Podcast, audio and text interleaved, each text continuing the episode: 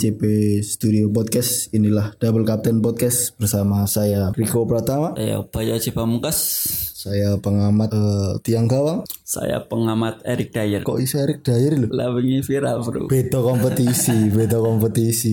Tapi ya saya saya enak kaitan sih. Yo iya, kudu dibahas lah. Oke, masuk game week keempat ya. Iya, Bro. Game week keempat yang akan dimulai tanggal eh, 3 nanti deadline transfer di Sabtu tanggal 3 jam 5 sore. Terus kemarin eh, agak sedikit mengejutkan dari game week ketiga terutama eh, apa namanya City yang secara mengejutkan dibantai sama Leicester meskipun itu ada tiga penalti yang dua dicetak oleh Vardy terus satunya sama Yuri Tillmans terus ada pertandingan yang aku cukup geleng-geleng sih akhirnya wes rambung kok isi lanjut dan penalti itu antara Brighton lawan MU komentarnya yuk Ini komentar yang mana, Bro? City atau MU dulu? yo City dulu lah Kalau City itu aku rada males sih, Bro. kenapa Lah Fardi tak cadang ya.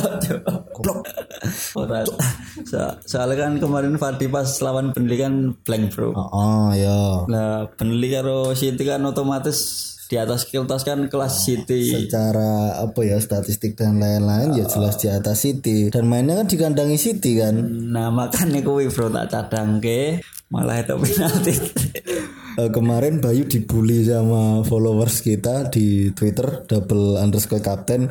Itu dia ngasih space buat apa namanya so check dengan mendrop Fardi Jadi gini bro kemarin kan poinku cuma 41 ya. game ketiga. Iya game ketiga. Itu kan poinku pemain itu 41 Nah pemain cadangan itu 4 pemain poinnya 30 bro terus pemain intimu gue main kabeh Pemain kabeh mau main wi, mau metak Jadi kan nggak apa namanya kan poinnya di pemain cadangan kan nggak bisa nge-replace pemain inti kan Iya enggak bro makanya tadi males aku bro Hmm, Iya iya iya. Yo kembali lagi ke slogannya FPL yuk. FPL ini kan maraton kan sih. Ya siap Seperti bercinta.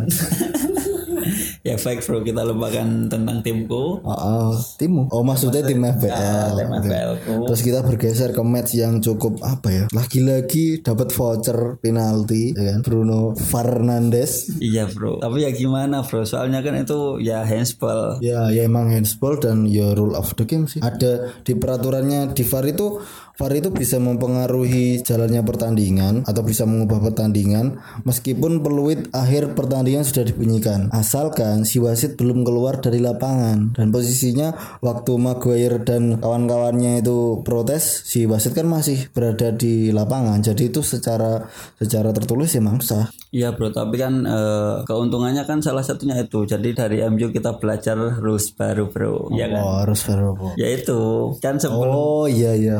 Kalau MU gak kayak gitu kan kita sampai sekarang nggak tahu bro kalau ada peraturan yang kayak gitu. Aku aku sendiri pas itu kaget banget yuk karena lo peluit panjang kan udah dibunyikan kan? Terus ya otomatis kalau kita menengok di masa lalu meskipun eh, pemain itu protes sekeras apa pun ya nggak bisa lagi. Tapi di ini era VAR ini kan akhirnya ada sesuatu yang baru. Iya bro, itu kan kemarin aku lihat siarannya langsung ya bro. Nah itu kan kan habis itu Solimers nyamain ke iya, kan, nah itu kan langsung tak close tab semua bro. Kan tak kirain tak kirain kan udah imbang dua-dua. Terus habis itu aku buka Twitter bro, terus kok kok rame MU dapat penalti padahal udah belit panjang. Terus aku nyari linknya lagi bro. ya kamu nggak langganan atau Enggak, yo enggak bisa dibahas bro. Oke, oh, berarti ya sebenarnya di grup di grup FPL kan itu juga hebat juga karena kan di menit sebelumnya itu ada yang bilang udah F, FT full time dua-dua terus tahu-tahu Fernandes nyekor. Iya aplikasinya juga ketipu bro aplikasinya bro aplikasi Iya iya. oh, oh, oh.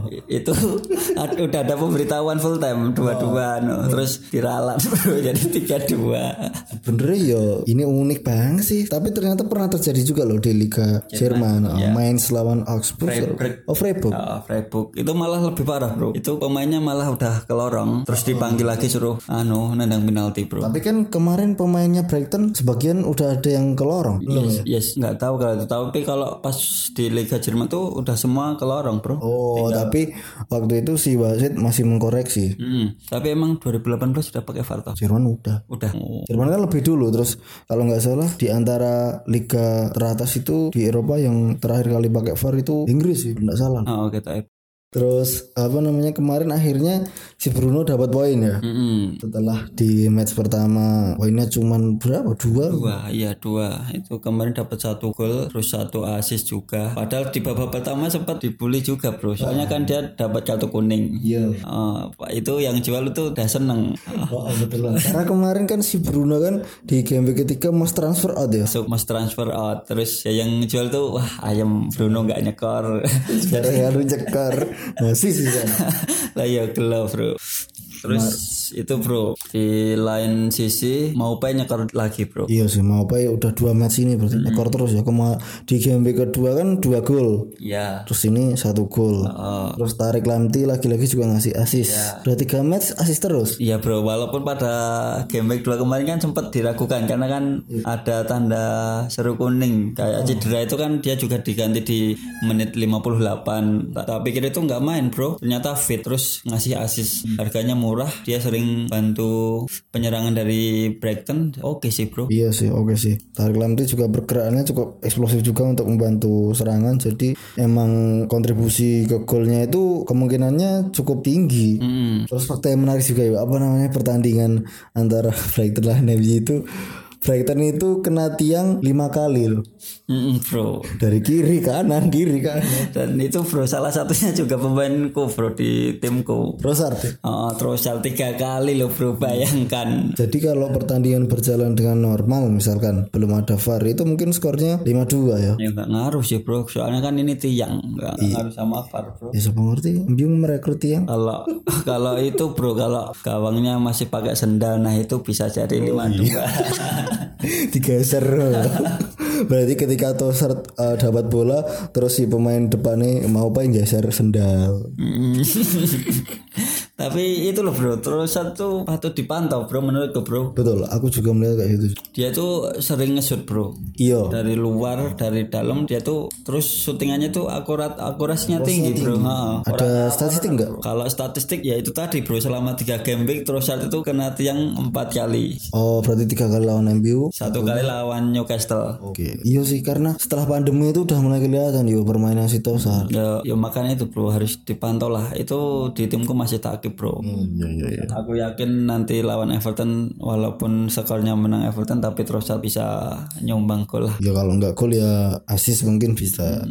Oke terus next di pertandingan selain dua pertandingan yang cukup apa ya istilahnya cukup mengejutkan ada juga Everton yang kembali lagi nih big performanya lanjut lagi ternyata bulan madunya Ancelotti sama Everton masih berlanjut. Hmm, tiga Sampai kapan ya kira-kira? mungkin sampai lawan West Ham bro. Wih, sampai ini menang lawan Wolves ya. Menang dong. Tapi kita bahas ini dulu bro West Ham. Oh. West Ham dulu. Eh enggak, ini dulu. West Ham kita bahas nanti. Everton dulu. Jadi kemarin menang 2-1 lawan Palace. Palace sebelumnya di game kedua menang lawan MU kan? Ya. 3-1.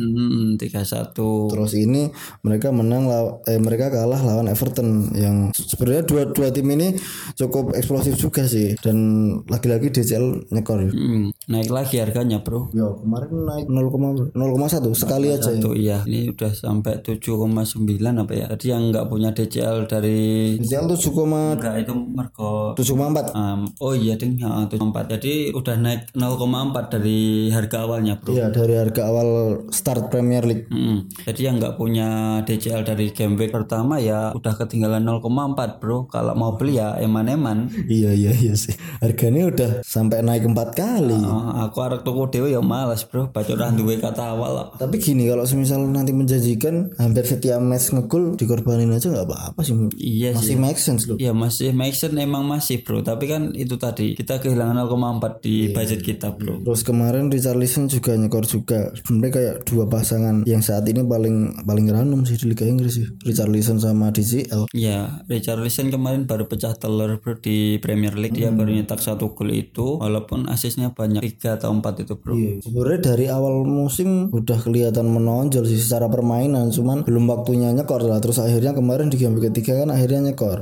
Kalau iya bro, kalau terus kalau masalah menyerang itu seharusnya eh seharusnya sebenarnya kreatif Richarlison bro Daripada? daripada DCL. Yo, DCL kan memang po- dia peruntungannya sebagai seorang apa ya, ya target man. Hmm, DCL kan ya emang nek ngarep gawang bro. Tadi itu bal ya rek plang plong plang plong yang Richarlison kan kerja kerasnya dari Dari saya. kanan ke kiri terus dia kan nembak pakai kaki kanan akhirnya. Heeh, terus dia yang mem- membuka pertahanan lawan lah bro. Ya, kerja emang kerja sama anu itu bro pasangan emas. Oh, pasangan mas terus aku lihat juga yang mungkin karena gak nyekor akhirnya kurang disor itu ya mas.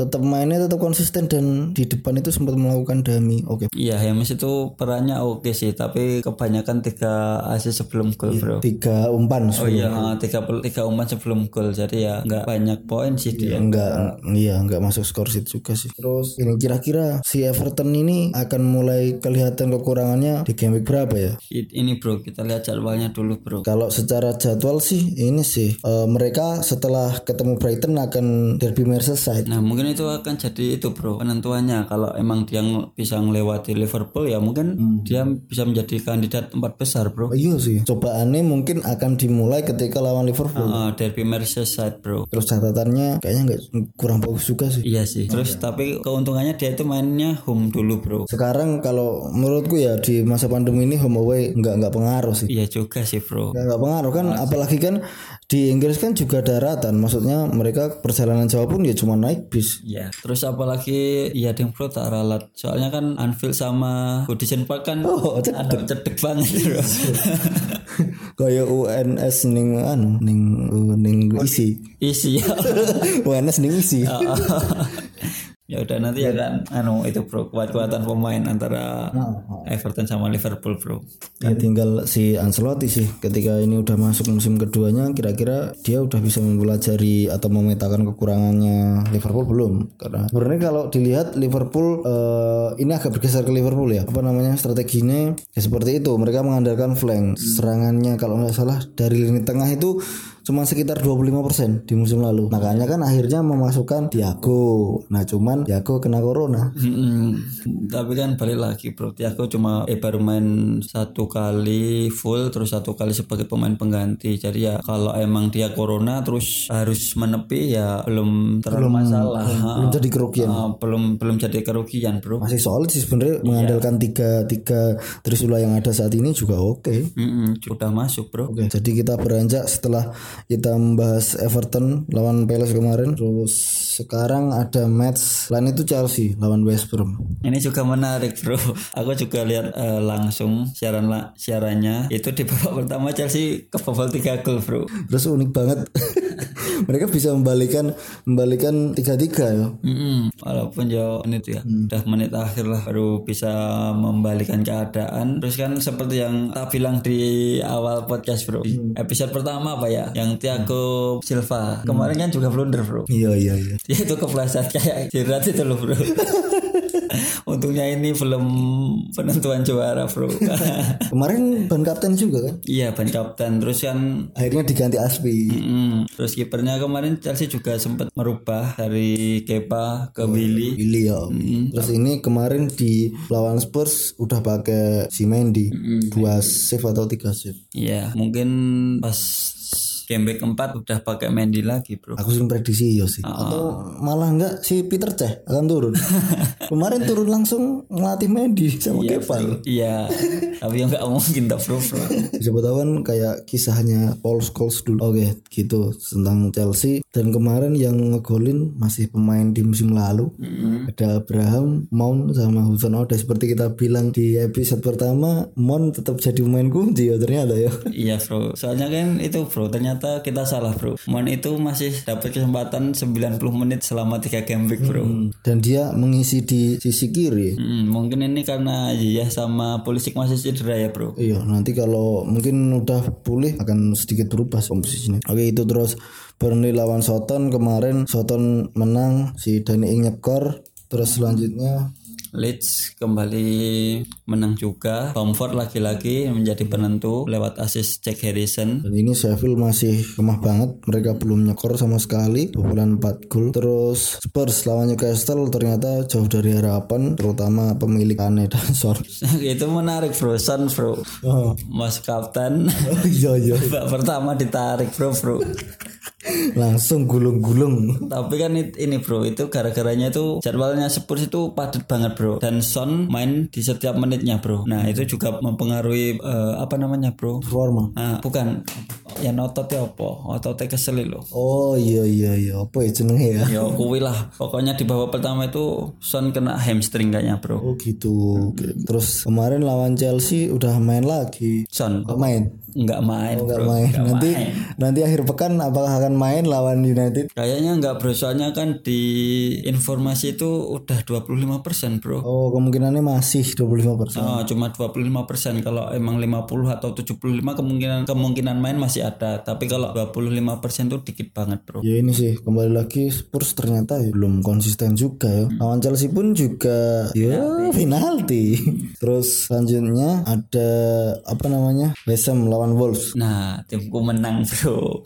Akhirnya ya. Akhirnya setelah dua game Iki Moyes wis mari. sing mari Bowen, Bro. Oh, berarti Moyes surung. Urung Isik corona. ijek Nek mati piye? ora, Bro. Wis tua lho. Kuwi pelatih legendmu lho kuwi, Bro. Sing menghancurkan MU lho. Eh. Jadi kemarin Bowen sembuh terus nyekor. Ya pokoknya kar dua setelah harganya turun dua kali dan akhirnya dia menghukum tim FPL bro. Iya.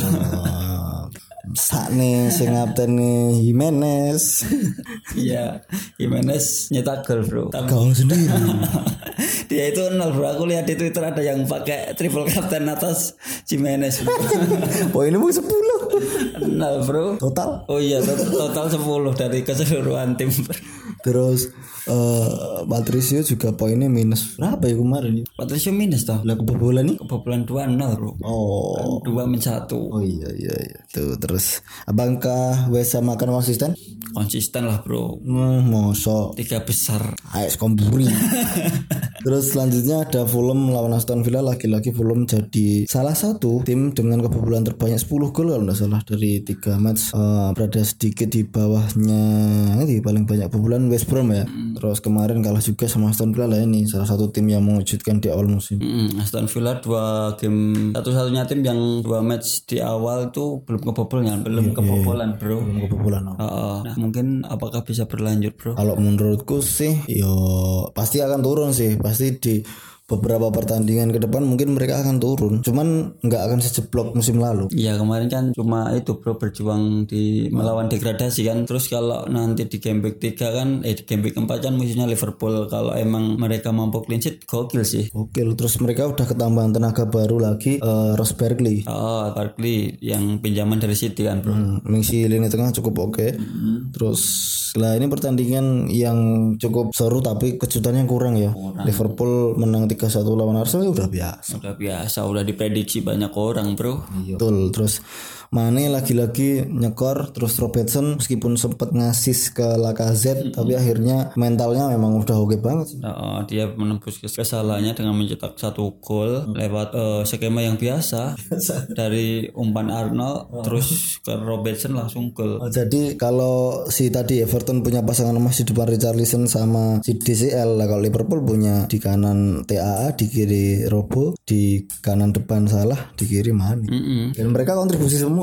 Iya bro. Jadi kalau untuk Robo sama Arnold tuh di musim lalu udah beberapa sih bro. Udah beberapa yang diciptakan dari dua wingback tersebut bro. Iya iya. Kerjasamanya emang udah eh chemistry-nya udah dapet bro. Ya itu dari game kedua terus kemarin kalau secara poin dari aku sendiri sih eh, ada penurunan sih nggak nggak sebanyak nggak sebanyak di game sebelumnya cuman masih aman sih di atas rata-rata. Poinmu lumayan bro bro. Cuitan. Anu loh kita di klasemen itu sempat dempetan loh ternyata kita akur juga.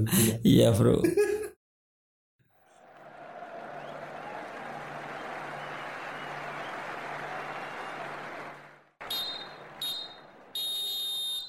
Kick off tiba di segmen utama dari Double Captain Podcast di game week keempat. Kita mau bahas apa ini ya?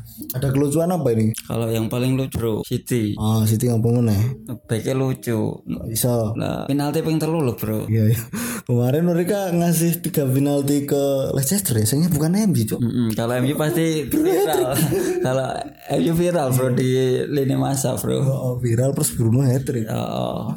Nah itu hanya lagu bro bro. Aku nyadangin Fardi, baiknya City ngawur-ngawur, kakean masalah piye bro. Sebenarnya City juga belum nemu komposisi terbaiknya loh di pertahanan loh. Karena kan sering berganti-ganti terus kan. Mulai dari back kanannya ya Cancelo, ya Walker, terus tengahnya Eric Garcia, Ake atau kalau enggak Stones kan di awal game week kalau nggak salah main. Apa main bro? Johnston sempat main. Terus ya mungkin yang dipercaya itu baru Ake bro yang bener-bener masuk pemain inti. Ake kan tiga kali match, eh City baru main dua kali ya. Dua kali sama kayak MU sama Aston Villa. Oh iya dua kali match Ake yang main 90 menit bro. Oh, 90 menit sih dan dia kemarin kan melanggar pemainnya Leicester kan. Ake enggak no. Oh enggak. Kemarin yang langgar itu Walker yang pertama, terus yang kedua back mudanya itu Eric Garcia, Garcia. sama yang ketiga itu Benjamin Mendy bro. Oh iya iya iya iya. Jadi memang komposisinya belum belum ketemu sih. Fernandinho loh bahkan sempat. Kalau Fernandinho udah dari musim kemarin bro, yang digeser jadi CP. Oh Cancelo ternyata cedera ya, cedera kaki dia. Kok sini nggak nggak main ya? Lapor. Motif belum main loh. Cedera tuh bro. Enggak ih, corona kok. Nggak tahu bro. Tadi aku belum ya emang belum ada beritanya kalau lapor cedera bro. Iya sih. Dan tak lihat di statusnya di FPL nggak apa. Padahal di musim kemarin dia itu Main inti. Oh, inti kan padahal juga oke loh di antara backnya antara Stones terus Paling oke lapor. oh, lapor emang paling oke bro kenapa ya nggak main bro Nah, itu juga aku juga belum uh, kulik-kulik tentang isu ini sih kok bisa ya maksudnya lapor kan ya oke juga terus dia dibeli mahal satu triliun juga kan Hmm, apa mungkin itu bro? Ada masalah internal bro? Nah itu kita masih perlu pelajari lagi. Mungkin next podcast akan kita bahas. Terus ter dapat beritanya. Oh terus kita rekaman di hari Kamis dan ternyata kemarin dari Rabu itu City udah ngeresmiin Ruben Dias. Hmm, nikung lagi bro. MU no kan kemarin udah ditikung sama Spurs. Bibi nggak ngincer dia cu nggak ngincer siapa pun ngincer apa bro? Exposure. Iya. Exposure ning sosmed tok. Enggak, soalnya kan dulu sempet ada itu bro. Isu tentang MU ngincer Ruben Dias. Ya cuman ngin- ngincer aja cuman sampai sebatas isu tok. Di Youtube lo udah ada welcome to MU Biasa. Gue sini fannya editor-editor kabeh. Jadi yang jelek desainer mending anu fan MU Iya bener tuh. Ya kan cocok kan anu ini kan mau strategi ini mau ngincer ning sosmed nah itu bro kembali ke Ruben Dias. Jujur aku ya belum pernah lihat langsung mainnya itu kayak gimana bro. Tapi aku sempat lihat di YouTube sih. Dia itu ya pemain belakang dengan kriteria yang Pep inginkan bro. Ball playing defender kan. Hmm, dia itu kalau di YouTube ya emang passingnya oke passing Baik yang tipe-tipe back yang nyaman dengan bola terus bisa mengalirkan bola. bisa membagi bola, menyusun serangan dari bawah, ya emang oke. Tapi kalau untuk kemampuan bertahannya aku kurang paham bro. Iya sih, aku juga lebih eh, ngelihat headlight dari si Ruben Dias ini emang ball playing defender. Jadi agak bingung juga kalau nanti dia disandingkan sama Nathan Ake itu hampir sama. Bahkan Nathan Ake ketika muda kan dia back kiri. Di Belanda juga main back kiri sampai sekarang. Nah, makanya kan kalau itu Ruben Dias sama si Ake emang mau dikedepanin sama Pep, apakah ini juga akan jadi solusi? Solusi untuk membagi bola itu Nah, cuman kan masalah City kan ya kayak kemarin yang lawan Leicester akhirnya meskipun mereka bisa membobol dua gol tapi kemasukannya lima loh. mm-mm, termasuk buruk awal yang buruk ya bro. Iya, iya awal yang buruk. Dua pertandingan 6 gol kebobolan. Dan mereka eh, kemarin mengeluarkan dana yang cukup fantastis juga 62 juta pounds untuk Ruben Dias. Satu triliun. Satu triliun. Ya City emang sukanya belanjanya fake mahal-mahal bro. Mulai dari Johnston dari Everton tuh udah 47. Menurutku sing sejauh ini sih agak dalam tanda kutip sedikit berhasil itu lapor sebenarnya. Mm-mm, paling konsisten. Terus kalau kita lihat dari eh, beberapa pemain belakang lainnya tuh kayak Benjamin Mendy tuh ya ka- kalau bagus ya bagus banget. Kalau jelek ya jelek banget. cocoknya main yang MU seneng twitteran karo Instagram Hmm, koncone Pogba. Nah, cocok joget-joget. gitu sih terus eh, Walker ya yang rutin main sih Walker itu kan sama Laporte musim lalu terus Danilo juga udah pergi kan ke Juve jadi bagian transfernya Cancelo terus Angelino juga dipinjemin Masih tak bro? masih di situ tapi dipinjemin Enggak kan musim lalu dipinjemnya. Ini kan udah ganti musim loh. dipinjemin lagi ya, ya. Oh, Padahal mainnya bagus loh pas di Leipzig itu. Iya iya. Terus apa namanya? Jo- Johnston juga gitu-gitu aja malah cenderung turun dibandingkan ketika dia masih di Everton. Hmm, tapi pas aku awal lihat Johnston itu dia itu mainnya bek kanan bro pas di Everton pas mudanya. Muda. Heeh, dia itu bek kanan sebenarnya. Cocoknya nak menurutku juga ini jadi back tengah. Soalnya udah lama itu bro, udah lama ganti posisi jadi bek tengah ya kita nyaman liatnya di bek tengah bro.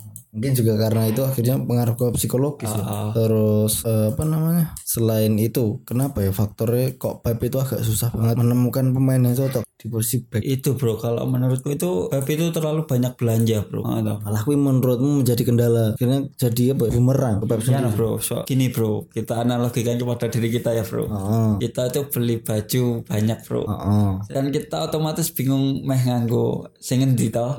Kecuali nek ada di klambi siji ya wis gue terus, Bro. Oh, Jadi menurutmu banyak opsi ini malah memusingkan akhirnya. Oh no, nyatanya kan itu kenyataannya kan Pep rotasi terus karena ya emang eh, antara back satu dengan back lainnya itu kualitasnya hampir sama bro. Kita bayangkan itu MU, Oh, lapis. ah, backnya ya mungkin beda bro. Soalnya kan ya ada yang lain. Maguire, Lindelof, Maguire, Lindelof. Oh, no, terus. Oh, soalnya Rane gantiin ya bro. Soalnya kalau MU beli Puyol atau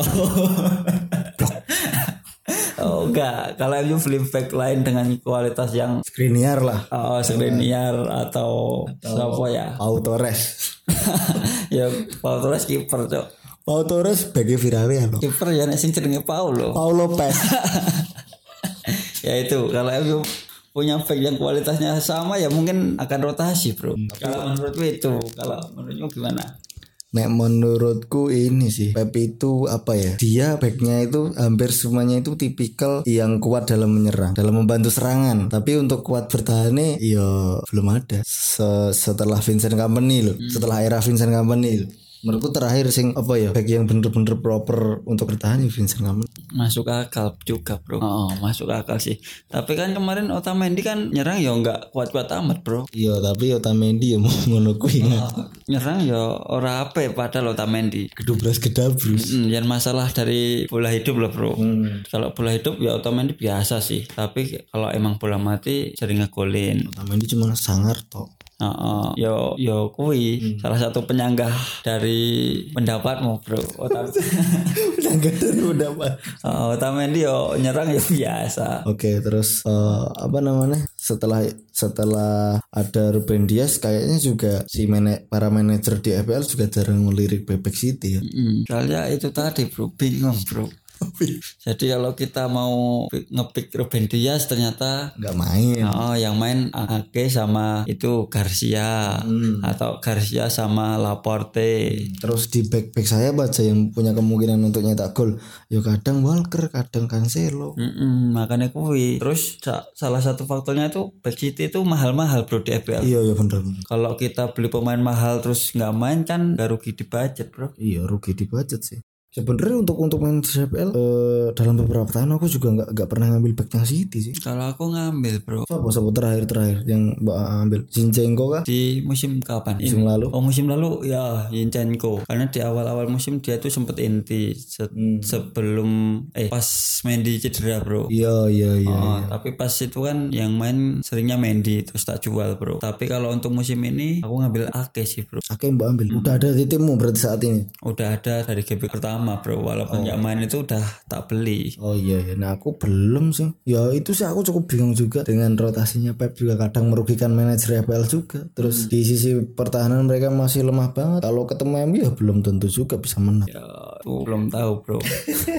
Sebenarnya gini bro. Kalau emang Pep itu udah formasinya udah nemuin tetep 4 back itu semua itu sebenarnya enak kalau kita mau ngepick bro. Soalnya kan kayak Walker terus Mendy gitu kan sering ngasih assist bro.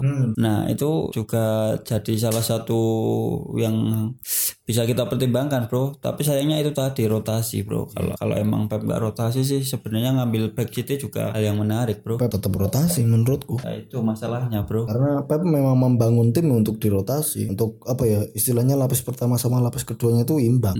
Ya mungkin ada satu dua pemain sing nggak tergantikan kayak De Bruyne kayak Ederson. Hmm, kalau tak lihat ada tiga pemain bro musim ini bro. De Bruyne terus? Dan Ederson sama Nathan Ek. Yakin aku Nathan Ek itu akan jadi pemain intinya. Kita lihat prediksinya Bayu. Terus selain itu untuk uh, match di game week keempat ada Chelsea lawan Palace. Menurutmu Chelsea akan seperti apa? Karena kemarin lawan West Brom imbang hampir kalah kan. Terus lawan Spurs sampai babak penalti Kalau ini aku prediksiku itu bro. Chelsea menang tapi kebobolan bro. Hmm, karena Palace cukup eksplosif juga. Oh, Palace ini Townsend sama Yaha lagi bagus-bagusnya bro. Palace itu dari dari tiga match mereka memasukkan lima dengan kebobolan tiga. Lumayan. Selisih golnya masih masih positif. masih masih positif. Terus itu tadi Chelsea lini belakangnya masih error sering error. Terus Palace ini depannya gak oke MU aja di kandangnya MU di bobol 3 Chelsea mungkin 4 bro nanti. Ya ini sih Chelsea belum belum nemu juga ya komposisi untuk backnya ya. Meskipun kedatangan Thiago Silva juga kemarin dia nah, blunder. Terus Aspi ternyata masih dibutuhkan juga. Meskipun di awal laga keinginannya Lampard itu pengen Aspi dipinggirkan. Cuman akhirnya kan dia tetap dibutuhkan. Entah itu as- aspek permainan atau hanya untuk as- aspek leadership. Iya bro. Soalnya kan kanannya kan seharusnya Lampard tuh udah percaya sama Reece James ya. Oh. terus kan Aspi kan yang musim ini kebanyakan digeser ke agak tengah kan? Iyo agak tengah terus ke kiri juga sempat Oh. karena di kiri itu langsak ada Alonso itu dua match dia mainnya kayak tai. Hmm, dari musim mulai musim kemarin bro Iya, iya. Oh, Alonso turun Pearl eh turun Paul mainnya Padahal dulu sempat jadi primadonanya manajer FPL juga. Mm-mm, di tahun 2018 dia itu jadi idola bro Tiga Conte ya. Mm-mm, dia sering nyetak gol terus harganya sama kayak Robo bro pas dulu Range setuju lah. ah, tujuh Terus nah ini pertandingan selanjutnya Everton lawan Brighton. Everton kemarin dapat hasil yang cukup baik di Liga Inggris menang. Terus mereka sampai di Carabao juga menang lagi. DCL masih melanjutkan performanya dengan hat-trick kemarin terus semakin harum namanya dan disebut sebagai Inzaghi-nya Everton. Bener bro. Everton ini menyapu bersih tiga laga bro. Iya. cuma ada Everton sama Liverpool. Ah tau Dan statistiknya juga cukup oke juga yuk. 6 laga 6 kali menang 20 gol. lini depannya gila sih bro. Richarlison DCL sama Hemes Terus kalau si Jilvi masuk pun kontribusinya oke juga. Mm, kemarin Umpan-umpannya manis. kemarin asis juga pas Carabao. Eh umpannya tetap oke loh Jilvi. ya emang Terus masih punya Lord Iwobi. ya itu ya udah udah nggak masuk skema bro. Terus itu setelah ini membobol 20 kebobolannya juga yo emang belum baik banget sih. Tapi at least jauh lah sama selisih. Selisih pemasukannya. Jadi kemasukannya cuma 6 terus dicatatkan dua clean sheet juga untuk Pickford Pickford itu bro. Tangannya tuh pendek banget kayaknya bro. Hobbit. Hobbit. Hobbit siapa? Hobbit cebol cebol oh curah Hobbit yo ya gue lo kebanyakan golnya itu oh iya Kenapa gitu nggak nyampe orang gitu ya bahasa Jawa bro. Ini udah tadi kiper cok itu Yo, aku Devin yo anu bro, koyo mikir aku bro, koyo cendek kok gitu. Oh, bisa kiper tapi ya emang refleksnya oke bro, refleksnya bagus. Tapi ya itu tadi kayak kalau bola tinggi itu sering bro, dia itu sering kebobolan lewat flashing bro. Karena ya itu tadi tangannya kayak nggak nyampe, kayak aku pas mau menggapai dia itu bro, cowok curhat meneh nggak nyampe asu asu. terus apa? Terus ini aku melihat itu kayak Crystal Palace itu kayak ini ya kekurangan pemain belakang ya karena Ceko Koyate tiga dua match ya dua match jadi back tengah terus. Koyate, Oh, itu dua sama Sako bro. oh, oh. Dulu siapa tau bro back tengahnya? Oh, Danda. Iya Scott Dan. Sekarang Gak tahu sih ke mana makanya aku juga heran juga ini ini back back backnya Palace kok Ceko Koyate terus ya. Tapi Koyate kemarin dapat peluang dua kali loh bro. Ternyata badai cedera juga melanda ini sih melanda Palace jadi Scott Dan, Gary Cahill, Tomkins, Cedera, Mm, itu tiga-tiganya tuh back tengah bro dan hampir bergantian masuk line up sebenarnya. Heeh. sebenarnya Kelly itu bisa digeser di back tengah sih bro Kelly Oh icek toh kali. Ije no Kira wis ning kali ngendi? Lah kali. Mantan pemain Liverpool. Ah, mantan pemain Liverpool Oke itu sih terus yang mengemuka si Mitchell ya. Mm, kita berharap Van Aanholt, Van Aanholt lebih lama cederanya bro Biar Mitchell yang murah meriah ini tetap oke. tempat bro soalnya kalau Anhalt udah fit kemungkinan Mitchell akan dikusir bro Iya bisa jadi. Ah, Terus kalau prediksi dari Everton lawan Brighton aku sih akan prediksi akan banyak gol. Cuman yang menang tetap Everton. sama bro soalnya aku punya dua pemain dari masing-masing tim bro Terus Leeds lawan City, Leeds sekali lagi terbuka kan lawan Liverpool mereka juga bisa membobol tiga. Ya, Meskipun mereka kebobolan juga kemarin empat, cuman pas di game ketiga itu udah baik mereka akhirnya bisa clean sheet meskipun lawannya cuman Sheffield. Mm, tapi itu bro pas mereka clean sheet mereka juga ngegolnya cuma satu Ha, Iya, Leeds gitu ya. Iya, ya mungkin itu bro. Mereka itu kalau mau fokus bertahan ya penyerangannya akan berkurang. Mm-mm. Kalau emang ya mau menyerang ya bertahannya berkurang bro. Jadi si pemain depannya itu kalau mau memberikan kenyamanan ke pemain belakang, ya pemain depannya harus ngampet dalam tanda kutip. Biasanya kan kalau tim-tim besar kalau eh, pengen pemain belakangnya nyaman, ya pemain depannya nyerang terus. Cuman Leeds ternyata kondisinya agak sedikit Beda, iya bro. Tapi kalau musuhnya City ya mungkin mengulang pertandingan Oh, Liverpool. Ah, ah, bro. City menurutmu akan mereka akan bangkit lagi, revival lagi ke kemenangan. Kalau lawan Leeds kayaknya masih menang City sih bro. Kalau Man City. Oh, soalnya kan Leeds juga gak diperkuat sama Jack Harrison yang notabene adalah pemain pinjaman dari City. Ya jadi ya mengurangi itu bro penyerangan dari Leeds. Iya sih, iya sih. Terus ini Leeds isunya terakhir mereka akan segera mendapatkan Michael Kuisance dari Bayern. Kuisance apa? Bayern Bayern Munchen. gak mudengi bro aku bro. Michael Kuisance itu pemain tengah, masih muda. Pemain tengah, masih muda juga. Terus ada satu pemain lagi yang diisukan apa ya lupa sih aku. Pokoknya isunya masih deres sih Leeds ini untuk transfernya. Ya ada itu bro empat hari sebelum deadline. Hmm, iya iya iya. Waduh cepet banget ya. Cat yang biru itu siapa-siapa. Cavani bro. Terus itu ada Newcastle lawan Burnley. Match ini kayaknya akan jadi milik Newcastle. Ya Kalau Wilson kemarin kan nyekor penalti. Mungkin akan kalau prediksiku ya bro. Kalau menurutku itu malah imbang bro 0-0. Imbang ya. Soalnya kan Newcastle sama Burnley penyerangannya juga nggak terlalu bagus sih. Iya Newcastle belum ketemu sih ternyata. Newcastle cuma baru nyetak 3 gol. Burnley malah baru dua. Lah iya makanya kan penyerangan dari kedua tim ini masih lemah ya bro. Ya, Jadi kemungkinan 0-0 besar bro. Oke, berarti untuk ngambil dari Newcastle sama Burnley pemainnya belum ada ya. Mungkin ambil pemain Pop belakang. mungkin. Heeh, Pop Nick Pop atau itu Kal- Darlow. Ah, Darlow. Dua Kemarin kiper. penyelampatannya oke banget loh kemarin pas terakhir lawan mana? lawan Spurs bro itu dia itu menciptakan 11 kali save so, terbanyak kan. Ah, terbanyak itu dari save-nya itu dia udah dapat 3 poin bro Luar biasa. Padahal dia itu kan cuman backupnya Martin Dubravka. Ah, ah. tapi ternyata oke juga bro Oke juga ya. Terus di match selanjutnya ada Leicester lawan West Ham sama-sama baru on fire. Mm-mm, Leicester habis menang dari Etihad terus West Ham menggol- menggulung Wolves Kita lebih baik Moyes eh, corona terus. mungkin itu bro. Pemainnya malah tanpa beban. Kalau nggak ada Moyes di pinggir lapangan bro. Iya iya. Prediksiku tetap Leicester. Malah menurutku Ham itu bro. Kalah. kalah. Soalnya itu bro. Oh tadi aku salah bro. Leicester juga menang tiga kali beruntun ternyata. Iya. ada tiga tim Liverpool Everton sama Leicester. Nah Leicester juga pas lawan West Brom di game pertama itu padahal babak pertama itu mainnya jelek loh bro. Tapi babak kedua mampu me- memperbaiki kinerjanya. Nah jadi ya terus pas lawan Burnley terus lawan City itu Leicester itu nyetak 4 sama 5 gol jadi ya penyerangannya emang lagi libidonya tinggi bro Wow, libidonya tinggi bahasa Anda sangat seksologi sekali, Bu. Ngajar dari mana Anda? itu dari YouTube bro YouTube. Itu beda terbaik. Terus ada Soton lawan West Brom lah. West Brom ini jadi salah satu tim dengan kebobolan terbanyak kan. 11 gol 11 gol dari 3 game week bro rata-rata 4 hampir 4 Meskipun sebenarnya mereka punya satu pemain Matis Pereira yang cukup menonjol. Mm, kalau emang kalian mau ngepick pemain dari West Brom ya cuma Matis Pereira.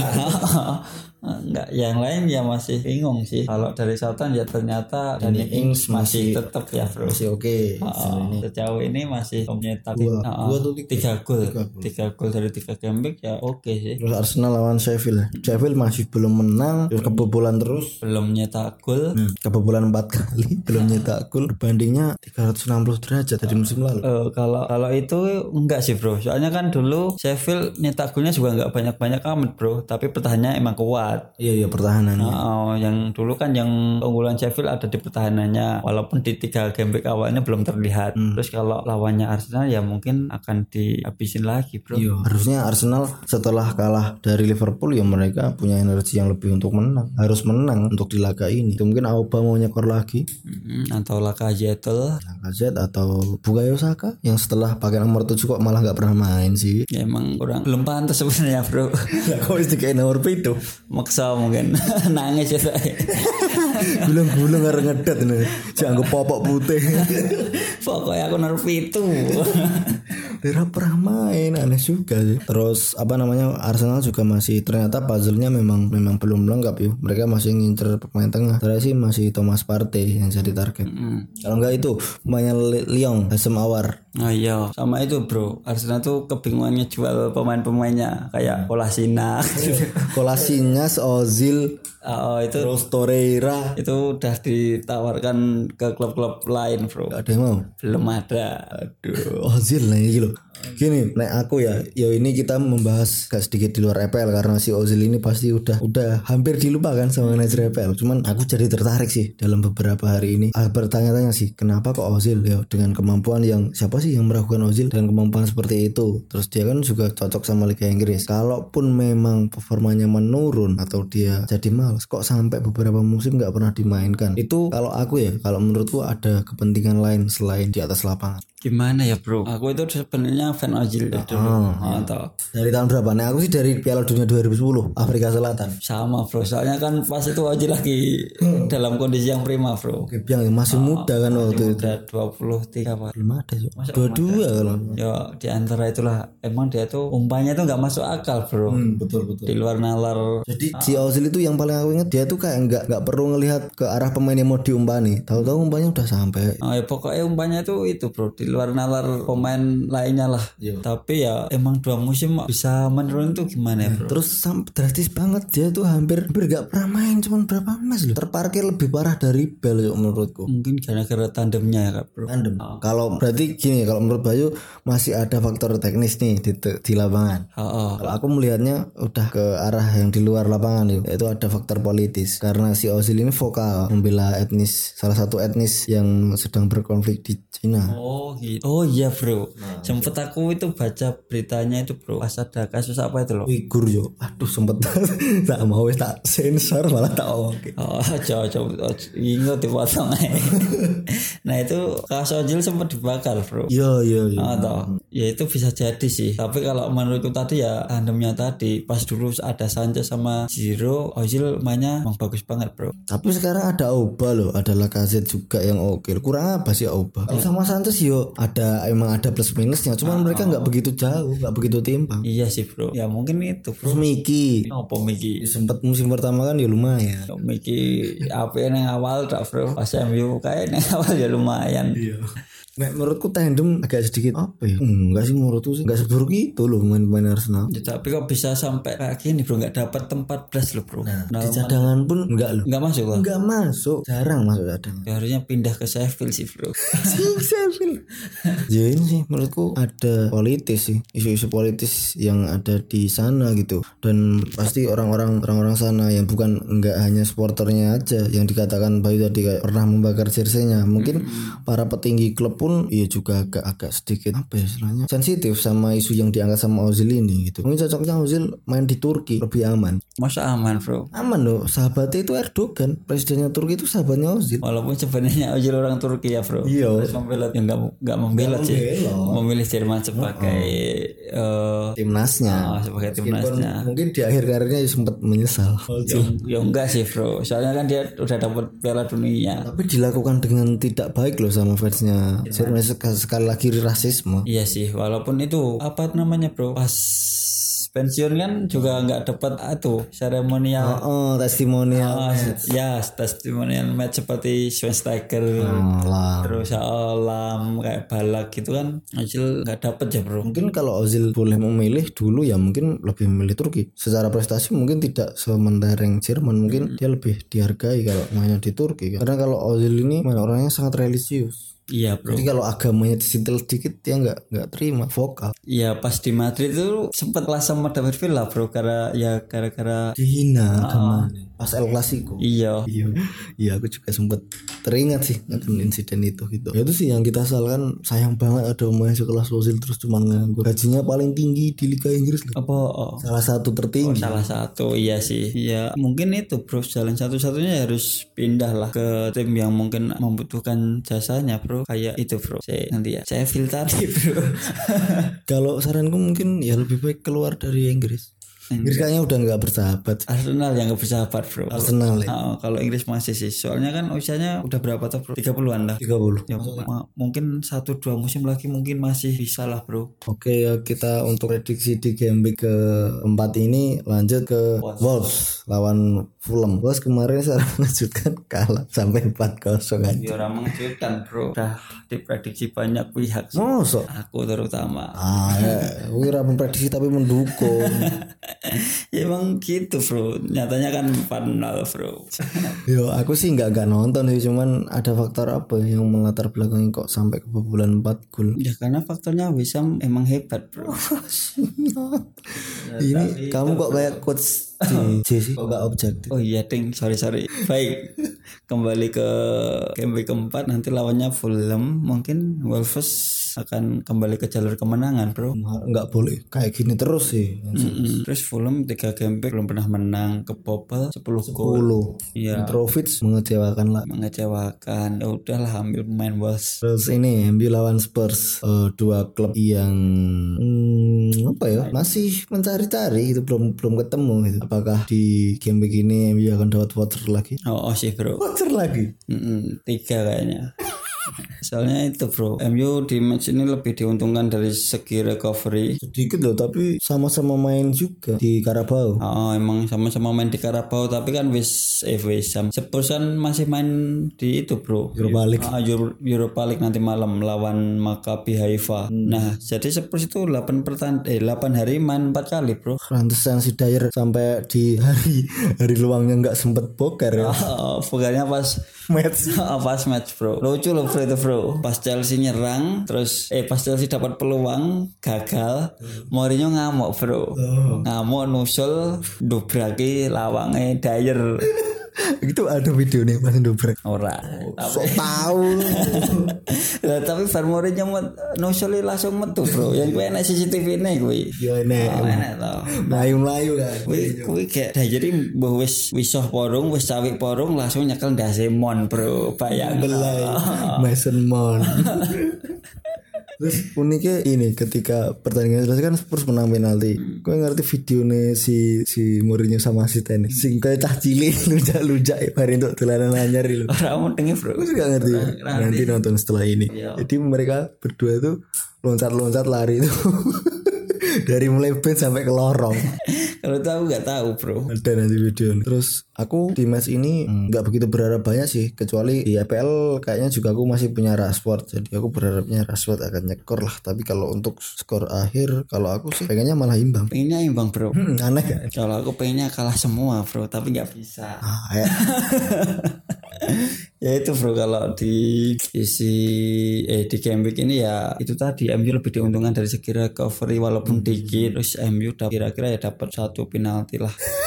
Dan setahu aku lapisnya Spurs juga nggak begitu proper loh. Mm-mm. Taek-taek semua taek-taek terusan cedera ya itu sudah di salah satu faktor yang merugikan Spurs bro Apakah Kane akan nyekor atau apakah Dele Alli akan masuk squad? Kita masih menunggu nanti di akhir pekan. ya menunggu setelah game week eh game pertandingan melawan Maccabi Haifa bro Terus di match terakhir ada Aston Villa lawan Liverpool. Aston Villa musim ini cukup unik juga. Kalau aku yang prediksi itu musim ini itu eh, Chelsea yang pertahanannya akan membaik. Karena kan mereka mere- selain merekrut back-back juga mereka melatih eh, melatih. merekrut pelatih yang punya atribut cukup baik di defense. An- Anthony Berry Chelsea. Chelsea.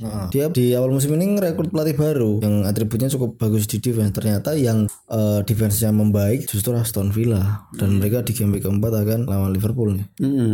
Tapi kan itu bro menarik sih sebenarnya Aston Villa. Walaupun di dua game back lawannya juga nggak terlalu bagus ya. Baru lawan Sheffield yang belum pernah mencetak gol sama Fulham. Iya. yang terlalu bergantung sama Mitrovic. Pas Mitrovic mati ya emang benar Fulham nggak bisa apa-apa bro. Terus baru diuji di game 4 ini lawannya Liverpool yang offense-nya garang bro. Nggak perlu dipertanyakan lagi. Oh, ya nanti ya benar-benar diuji lah lini belakang dari Aston Villa Yo, Konsa sama si Tyron Mix akan dapat ujian yang sesungguhnya. Apakah mereka memang di musim ini akan penampilannya atau down lagi? Kalau lawan Fulham kalau eh sama Sheffield kan kebanyakan itu bro nyerangnya lewat eh, bola udara. Nah Taran Ming sama Konsa kan emang Unggul. Ah, unggul posturnya tinggi. Tapi kalau Liverpool kan main cepet bro. Yo, lebih bervariatif juga. Prediksi ya memang Liverpool kalau menurutku akan menang. Mm-mm, kalau prediksi di atas kertas ya Liverpool jauh diunggulkan bro. Jadi mungkin yang punya Tyron Mings atau punya Esri Konsa eh, agak bisa dipinggirkan dulu mungkin kalau punya striker-striker Liverpool di timnya. Mm, bisa dicadangkan dulu. Tapi kalau mau nyari pemain diferensial atau mau gambling, dip- ah, dipakai nggak apa-apa. Atau mau turun peringkat silahkan. kalau mau panah merah nggak apa-apa. Extra time kita masuk di game week keempat artinya kita menyiapkan eh, 15 pemain rekomendasi untuk di game week keempat ini. Nah kita sudah menyiapkan 11 pemain utama seperti biasa dan eh, 4 pemain spekulatif. Jadi mulai dari penjaga gawang. Kita pilih Ben Leno bro. Hmm, kenapa? Ya karena musuhnya Sheffield 4 eh 3 game back belum nyetak gol ya kemungkinan clean sheet-nya besar bro. Terus lanjut ke pemain belakang tiga kali berturut-turut kita ambil Digne. Hmm, Yang keempat ya tetap kita ambil kita ambil terus pokoknya selama Everton masih oke-oke aja kita ambil terus di Hmm, dia kan salah satu back yang paling banyak crossing bro. terus jadi back yang punya kemampuan free kick. Aduh, hai. Hmm, set taker juga. Udah nggak no debat ya bro. Coy. Terus selanjutnya ada Robo atau Robertson. Tadi diknya harganya udah naik belum yuk? 6,1 itu udah naik belum? Belum. Belum ya? Belum ada kenaikan ya? Hmm, Masih 6,1 untuk Ben Leno masih 5. Hmm, terus di next di posisi back ada Andrew Robertson kemarin nyekor dan poinnya kemarin 10 kita masih tetap punya minimal satu back Liverpool. Iya, setelah kita bingung antara Robo atau Arnold, akhirnya kita memutuskan Robo mm-mm. feeling aja main feeling. Uh, uh, main feeling terus harganya juga lebih murah, bro. terus selanjutnya Selanjutnya ada Erik Lamti. tarik Oh iya, Erik Sukamti. tarik oh iya, Tarik Lamti. malah Erik Sukamti babat Nah, Tarik Lamti itu bro sama seperti yang kita bilang di awal episode tadi, dia itu tiga game week, tiga assist bro. oke no debat Mm, sama seperti Dine, no debat. Oh, dapat untuk tarik lamti. Ini juga udah mulai sedikit dilirik sama manajer dengan 9,2 kepemilikan. Terus di posisi back ada Astani, kayaknya no debat juga sih. yuk. Mm-mm. Ya itu ya, itu udah naik bro, 5,7. Oh, harganya sekarang udah 5,7 kepemilikan udah 15%. Next dia akan menghadapi West Ham. tiga game week Kastanye pas pertandingan pertama nyetak satu gol terus lawan Burnley dia nyetak dua assist lawan City dia nyetak satu assist Wow, sangat kontributif sekali ya Lukas Tanya ini. Terus sementara itu dia itu jadi pemain belakang dengan poin paling tinggi Oh iya iya dengan 27 poin itu ya. ya bro lanjut ke gelandang Di posisi gelandang ada Harvey Barnes. Nah ini yang tugas ngepick Bayu sih mungkin bisa menjelaskan. Hmm, kenapa uh, saya ngepick Harvey Barnes karena itu bro dia itu pemain yang paling banyak nge-shoot di statistik itu ada tiga pemain yang paling banyak nge-shoot selama tiga game week itu ada Harvey Barnes, Dominic Calvert-Lewin sama Harry Kane. Trossard Trossard itu ada di posisi berapa ya? belum masuk berarti 10 besar. Mm-mm, belum masuk di 10 besar. Nah, ketiga pemain tersebut udah nge-shoot tiga kali, bro. Eh, tiga kali, tujuh kali. Nah, maka dari itu aku ngepick Barnes ya karena kemungkinan Cetak gol ada uh, mencetak gol lebih besar daripada nggak nge-shoot, bro. daripada ngapa-ngapain. nah, untuk harganya Harvey Barnes itu 7 7. Oke terus selanjutnya ada Bruno Fernandes siapa tahu dapat penalti lagi. Jadi kemarin yang transfer ki, mbok ya jangan terburu-buru untuk langsung transfer out gitu. Pertahanin dulu kan akhirnya menyesal kan. Hmm, baru tuku didol. Ke tuku neh. Wah, susu. Jadi emosi tok, urip emosian. Jadi Fernandes ini kita rekomendasikan karena selain Iyo punya peluang untuk mencetak gol kan siapa tahu dapat penalti lagi. Terus harganya ya masih belum ada kenaikan ya. Mm-mm, belum ada kenaikan masih 10,5. Masih 10,5 terus selanjutnya Selanjutnya ada Yaha. Saha apa Yaha? Zaha. Yaha. Mereka ngomong Z Raiso. blok. Nah Yaha ini Yaha ini Yaha ini kita pilih ya karena itu dia itu mainnya di depan walaupun posisi Masuk di kiper. enggak maksudnya posisinya gelandang tapi dia lebih dekat di kotak penalti bro Jadi salah satu yang menguntungkan di FPL ya kalau kita punya pemain yang di gelandang tapi di dunia nyatanya mereka lebih banyak di area penyerangan sebenarnya. Hmm, salah satunya Yaha sama Aubameyang terus dengan harga 7,2 lawannya Chelsea yang pertahanannya lagi jeblok ya kemungkinan eh kita yakin ya hanya kerja bro Yakin aku sih. Ya minimal ngasih lah untuk Towson atau untuk Sopo lah. Hmm.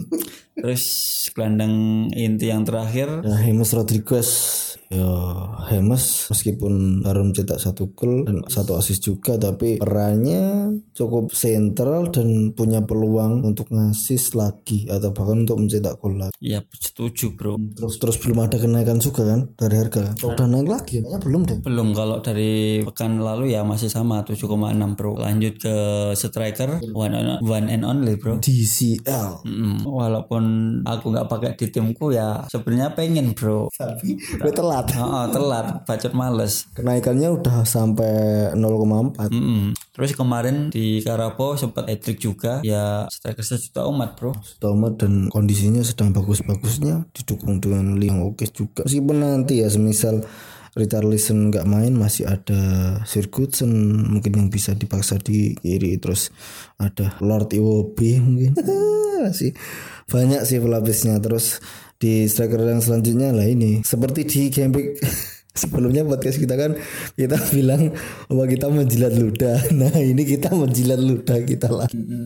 Setelah kita me- meragukannya di awal musim ya bro. bukan sebenarnya bukan meragu ya meragukan sih. Kan, nah setelah kita ragukan di awal musim ternyata di tiga game week dia nyekor tiga. Hmm, nyekor tiga sih. masih termasuk striker top ya bro. Sementara. Sementara masih top sih dengan tiga golnya terus ya kita rekomendasikan juga jadi striker utama dengan harga 8,4 belum naik ter belum naik. malah turun jadi belum naik nanti kalau dia konsisten kan pasti akan naik terus gitu. terus spekulatif sekarang ya di posisi kiper top itu bro Darlo bro. kemarin 11 kalau penyelamatan ya seperti kita bilang di segmen Hmm, walaupun dia nggak dapat clean sheet di laga melawan Burnley nanti ya dia pasti dapat penyelamatan bro. oh, lawannya mana sih lawannya Lawannya Burnley. beli Raturu ya pasti penyelamat Oh, terus harganya juga masih standar lah 5 Nah, iya harganya masih 5 terus refleksnya bagus ya udah kita pilih Darlo sebagai pemain spekulatif yang ngepick baru berapa bro Yang pick masih sedikit sih. Yang pick dari Darlo itu cuman satu persen. baru satu persen jadi ya banyak manajer yang belum tahu atau belum tahu atau belum tertarik ya bro Tertarik karena biasanya ya Newcastle yang mencolok Dubravka. Terus di posisi back, nah kita di spekulatif. gambling sekali kita bro kita sangat gambling sekali. Kita eh, coba-coba ngambil Ruben Dias sih. Gini, mungkin Ruben Dias di match sebelumnya di Benfica dia masih sempat main yuk. Dan kalau nggak salah kontribusi ke kemenangan juga. Jadi kenapa kita milih si Dias? Mungkin dia akan jadi pemain utama terus kondisinya itu masih oke, masih dalam performance-nya. nah itu bro jadi eh, fisiknya fit terus City ya habis di babak 5 ya pasti akan melakukan perubahan bro terus Dia sepertinya akan masuk ya. Heeh, lapor kemarin belum main terus Otamendi udah swap sama swap heeh, swap sama Dias ya mungkin Dias langsung jadi pemain inti bro. Ruben Dias ya, bukan Dias Angga Putra. Terus selanjutnya, Bismillah cakepnya ya Allah. Terus selanjutnya? Ada Connor Hurihan dia itu pas lawan Fulham dapat satu gol sama satu assist bro. Oke sih kemarin dapat 14 poin cuk. Hmm, walaupun nanti di game week 4 musuhnya Liverpool tapi kita yakin dia akan mencuri assist ya bro atau gol. Curi-curi tipis lah asis atau gol. Oh, walaupun cuma satu dua ya lumayan lah. Dan ini yang melirik baru 0,2 nih kepemilikan masih rendah banget untuk Conor Horihen. Terus di posisi eh, penyerangan kita punya Neil Maupe. Kayaknya di game kemarin kita rekomendasikan juga. ya. Hmm, dan kebetulan berhasil bro. Yo. Makanya kita pertahanin lagi. Soalnya kan di zamannya VAR ini masih eh, banyak penalti bro. Terus mau kan salah satu penalti takernya Brighton. Nah, kita yakin dia akan nyekor lagi bro. Itu sih. Jadi pilihan kita 15 pemain.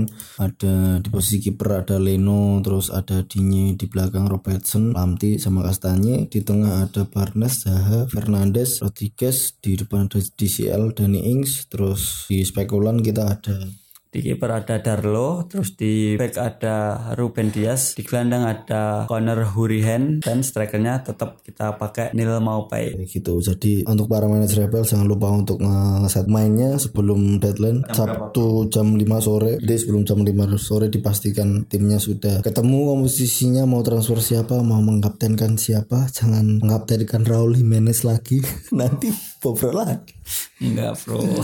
Jadi game sel- eh, sebelumnya tuh nggak bisa kita jadikan patokan bro. Kemarin Vardy blank lawan Beli Tak cadangin poinnya 17 anjing. Cukup. Harus menggunakan insting kalau kapten. Terus ya itu sih jangan lupa untuk join di liga kita di kode liganya SRF 4OL nanti ada hadiah di akhir musim terus jangan lupa untuk follow twitter kita di double underscore captain. Boleh bacotin adminnya. Boleh kritik adminnya yang seperti limbat